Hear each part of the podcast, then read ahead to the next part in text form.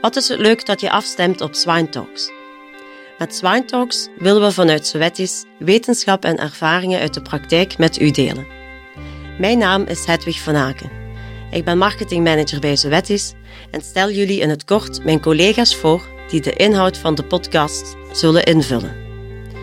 De Sowettis dierenartsen staan dagelijks in contact met praktijkdierenarts en key opinion leaders. Anne van der Zijpe is varkensdierenarts voor Sowettis. Twan van Berlo is onze Nederlandse Sowettis varkensdierenarts. En Tom Meijns is verantwoordelijk voor zowel België als Nederland. De Sowettis dierenartsen staan dagelijks in contact met praktijkdierenartsen en key opinion leaders, waarbij dat ze de vragen beantwoorden van de Belgische en Nederlandse varkensdierenartsen. Daarnaast staan ze ook in voor nauwgezette diagnosestelling en geven ze advies over mycoplasma, circo en peers. Ik wens jullie veel luisterplezier. Welkom bij Swine Talks. We zullen het vandaag hebben over het circovirus dat verandert. Hiervoor heb ik Anne van der Zijpen uitgenodigd, onze dierenarts van uh, België. Welkom Anne. Hoi. Anne heeft in een vorige podcast al een keer tot in detail toegelicht hoe dat het in elkaar zit met circovirus verandert. En ze zal vandaag dieper op ingaan of dit ook een invloed heeft op de diagnosestelling. Kort samengevat kan je zeggen dat de circovirus al heel lang bestaat, dat het gewoon zo sterk evolueert in de laatste twintig jaar, ehm, dat het ook gevolgen voor ons heeft. Onder andere op vlak van diagnostiek zijn er toch wel een aantal aandachtspunten waarop dat we zouden moeten verder inzoomen.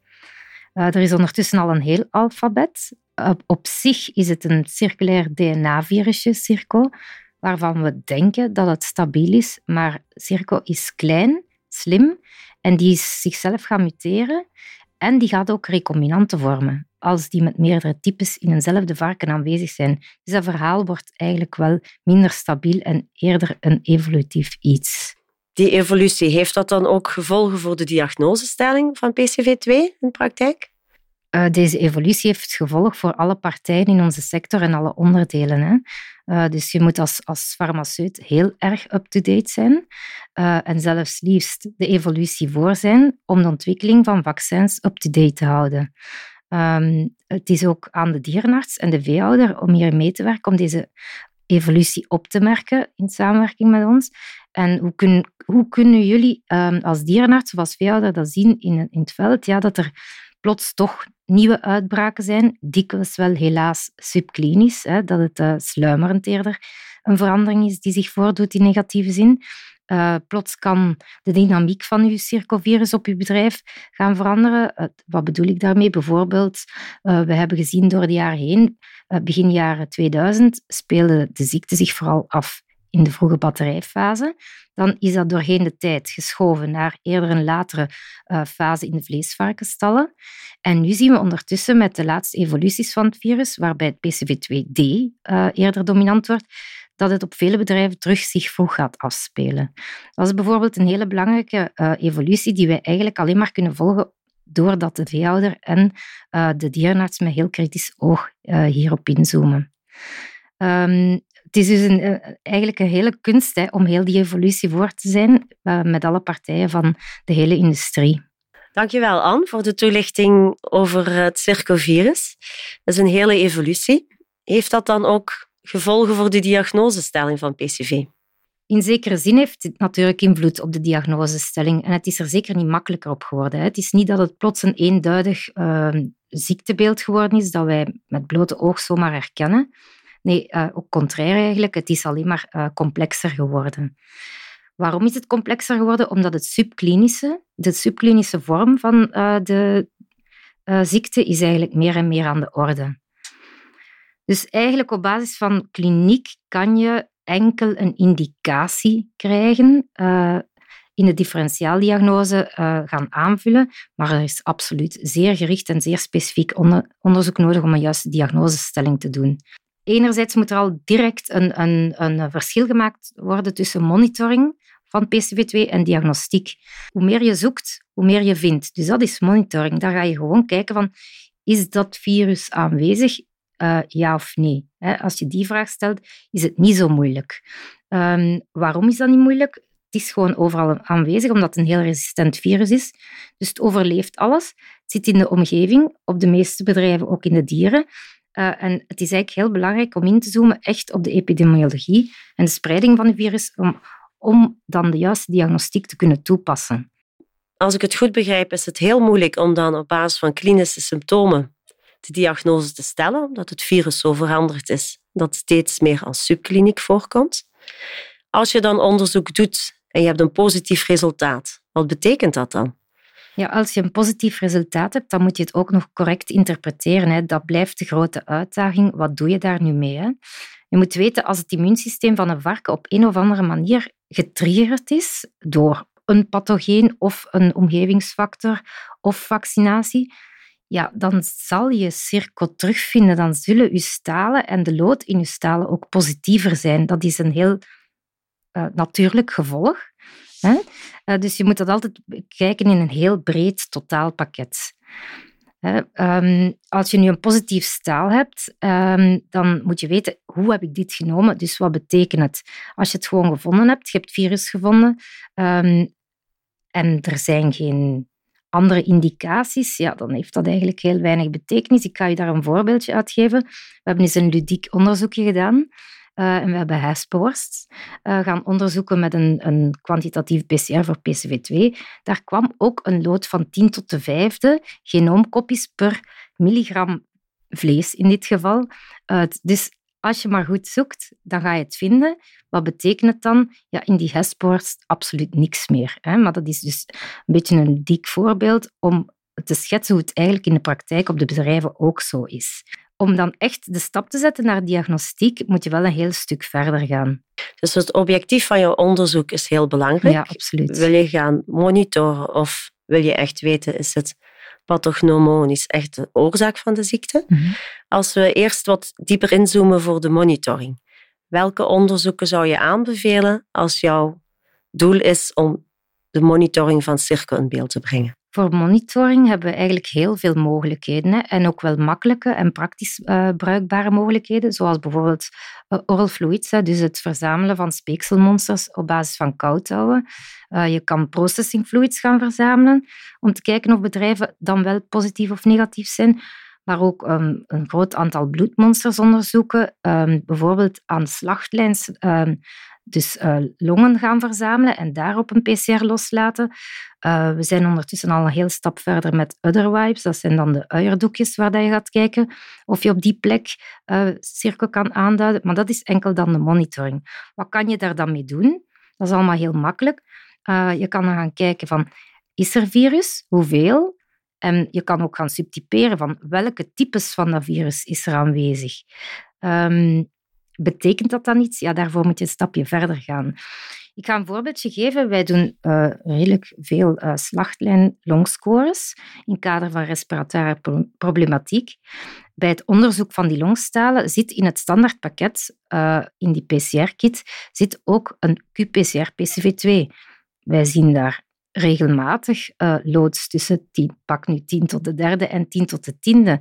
Dat is heel variabel, maar het is wel heel, meestal aanwezig, zelfs niet heel dikwijls, maar meestal. Um, dus dat is, dat is monitoring. Dus het voorkomen van het virus, als je het aantoont, is daarom nog niet altijd richtinggevend van een oorzaak. Welke onderzoeksmethode zou je dan inzetten voor diagnostiek? Om een echte diagnostiek, aan diagnostiek te gaan doen, dat is echt een heel ander paar mouwen dan monitoring. Hè. Dus je kan uh, twee dingen gaan doen. Je kan het virus gaan aantonen, maar dan moet je ook nog eens de kliniek ervan aantonen. En daar moet je heel erg diep gaan. Je kan dit op individueel niveau doen of op groepsniveau. Ga je op groepsniveau werken, dan kan je bijvoorbeeld een heel aantal bloedmonsters nemen, maar dan moet je er wel op letten dat je het doet net in de fase dat je ook uh, het circovirus in het bloed kan aantonen. Dus dat wil zeggen in de viremische fase. Die is één al niet heel erg langdurig, dus eerder kort. Dat, kan gaan van een week tot drie weken. En zeer individueel verschillend. Je kan ook antistoffen gaan bepalen om te kijken van uh, heeft Circo hier echt uh, een immuunrespons, uh, een antistofrespons teweeggebracht. Maar je kan geen onderscheid maken, en zeker niet bij gevaccineerde dieren, Gaat het hier dan wel over vaccinantistoffen? Gaat het over infectieantistoffen? Of gaat het over maternaal antistoffen, afhankelijk van de leeftijd van het dier dat je bemonstert natuurlijk? Dus daarom is het absoluut nodig, als je echt tot diagnostiek wilt gaan, dat je ook op individueel niveau um, een dier gaat onderzoeken. Hè. Dus de, de, regel geldt, hoe dieper dat je het virus volgt in het lichaam naar de plaats van delict, hoe correcter je diagnose zal zijn en hoe meer uh, conclusie dat je kan trekken dat het dan ook echt rol gespeeld heeft in de problematiek. We weten ehm, uit de vorige podcast dat de voorliefde, de targetcel en het targetweefsel van PCV2 de lymfoïde weefsels zijn. Ehm, dus je moet eigenlijk tot op dat niveau meegaan. Hoe doe je dat dan? Dat kan je eigenlijk alleen maar doen door effectief lymfoïde weefsels te gaan verzamelen van de uh, organen met letsels in het lichaam van een individueel dier. En daar dan, gaan we daar eens kijken van hoeveel virus zit daar, welk zit daar. Maar dan gaan we ook nog eens een, een weefselkoep laten maken om aan te tonen dat het wel degelijk in die lymfoïde weefsels aanwezig is en daar ook zijn werk gedaan heeft. Uh, meestal is het wel zo, eens een circo op dat niveau geraakt, zal die wel zijn schade gaan uh, berokkenen. En hoe ziet dat er dan uit? Uh, op histologisch beeld gaan we een heel typische um, celbeeld zien, waarbij dat die uh, circo de kern van onze lymfeknopen gaat aantasten. Dus dat gaan lege ruimtes zijn, dat noemen we dan de lymfoïde depletie, want die kruipt in die celletjes, in de kern van een lymfeknoop, maakt, uh, profiteert van de enzymen die daarin aanwezig zijn en maakt die cellen kapot. Lymfoïde depletie en dat spreekt wel echt heel erg in de richting van uh, circo en het belang ervan. Dus de, de sleutelstap zit eigenlijk echt wel in de histologie. Gekoppeld uiteraard aan wat zien we in de stal, wat zijn bijvoorbeeld de effecten van antibioticumtoedieningen? Is dat maar slechts tijdelijk of helemaal geen effect? Uh, bovenop vinden we in een groep uh, circo terug en dan gaan we individueel zieke dieren uh, aantonen dat het dan ook nog eens de specifieke ontsteking geeft en histologisch beeld geeft ja, dan heb je wel echt een diagnose. Dus ik mag eigenlijk concluderen, als je helemaal inzoomt tot in het orgaan waar dat cirkel gaat toeslaan, en daar kan je lymfoïde depletie aantonen, dat dat één op één door cirkel veroorzaakt wordt. Ja, je kan, je kan dat voor dat dier besluiten, inderdaad. En als je het dan wil doortrekken naar het belang voor de hele groep, dan moet je ook gewoon breder gaan in je onderzoek. Maar dat kan dan bijvoorbeeld met, met een screening via bloednamen op het juiste moment. Dankjewel voor de toelichting, Anne. Dat is een hele boterham. Amai. Hoe adviseer je nu als dierenarts of aan een varkenshouder om praktisch te werk te gaan op een bedrijf? Ja, alles hangt dus af van het deskundig oog van de veehouder die zijn varkens één tot twee maal per dag toch minimum ziet. En dan ook nog eens uh, deskundig oog van de dierenarts um, om de juiste dieren eruit te halen. Hè, om een, een, de kans op een positief resultaat en geen vals negatief resultaat uh, te bereiken ik adviseer altijd aan, aan de dierenarts, vraag aan uw veehouder om uh, te werken met kleurstiften, met markeerstiften met een verschillende kleur. Um, en vanaf dat hij iets aan een dier merkt dat zou kunnen wijzen op mogelijk uh, circo, om die te markeren. S'avonds moet hij hetzelfde doen. De volgende ochtend moet hij dan weer met een ander kleurtje terug hetzelfde doen. En dieren die drie gekleurde strepen hebben, dat zijn toch al dieren die opvallen in het kader van deze problematiek. Ehm, ik vraag ook aan de veehouders om dieren te tasten. Wat bedoel ik met tasten? We weten dat circos en voorliefde uh, zijn targetweefsel uh, lymfoïd weefsel is. Waar kunnen wij dat makkelijk voelen? Dat is in de lies bij het dier.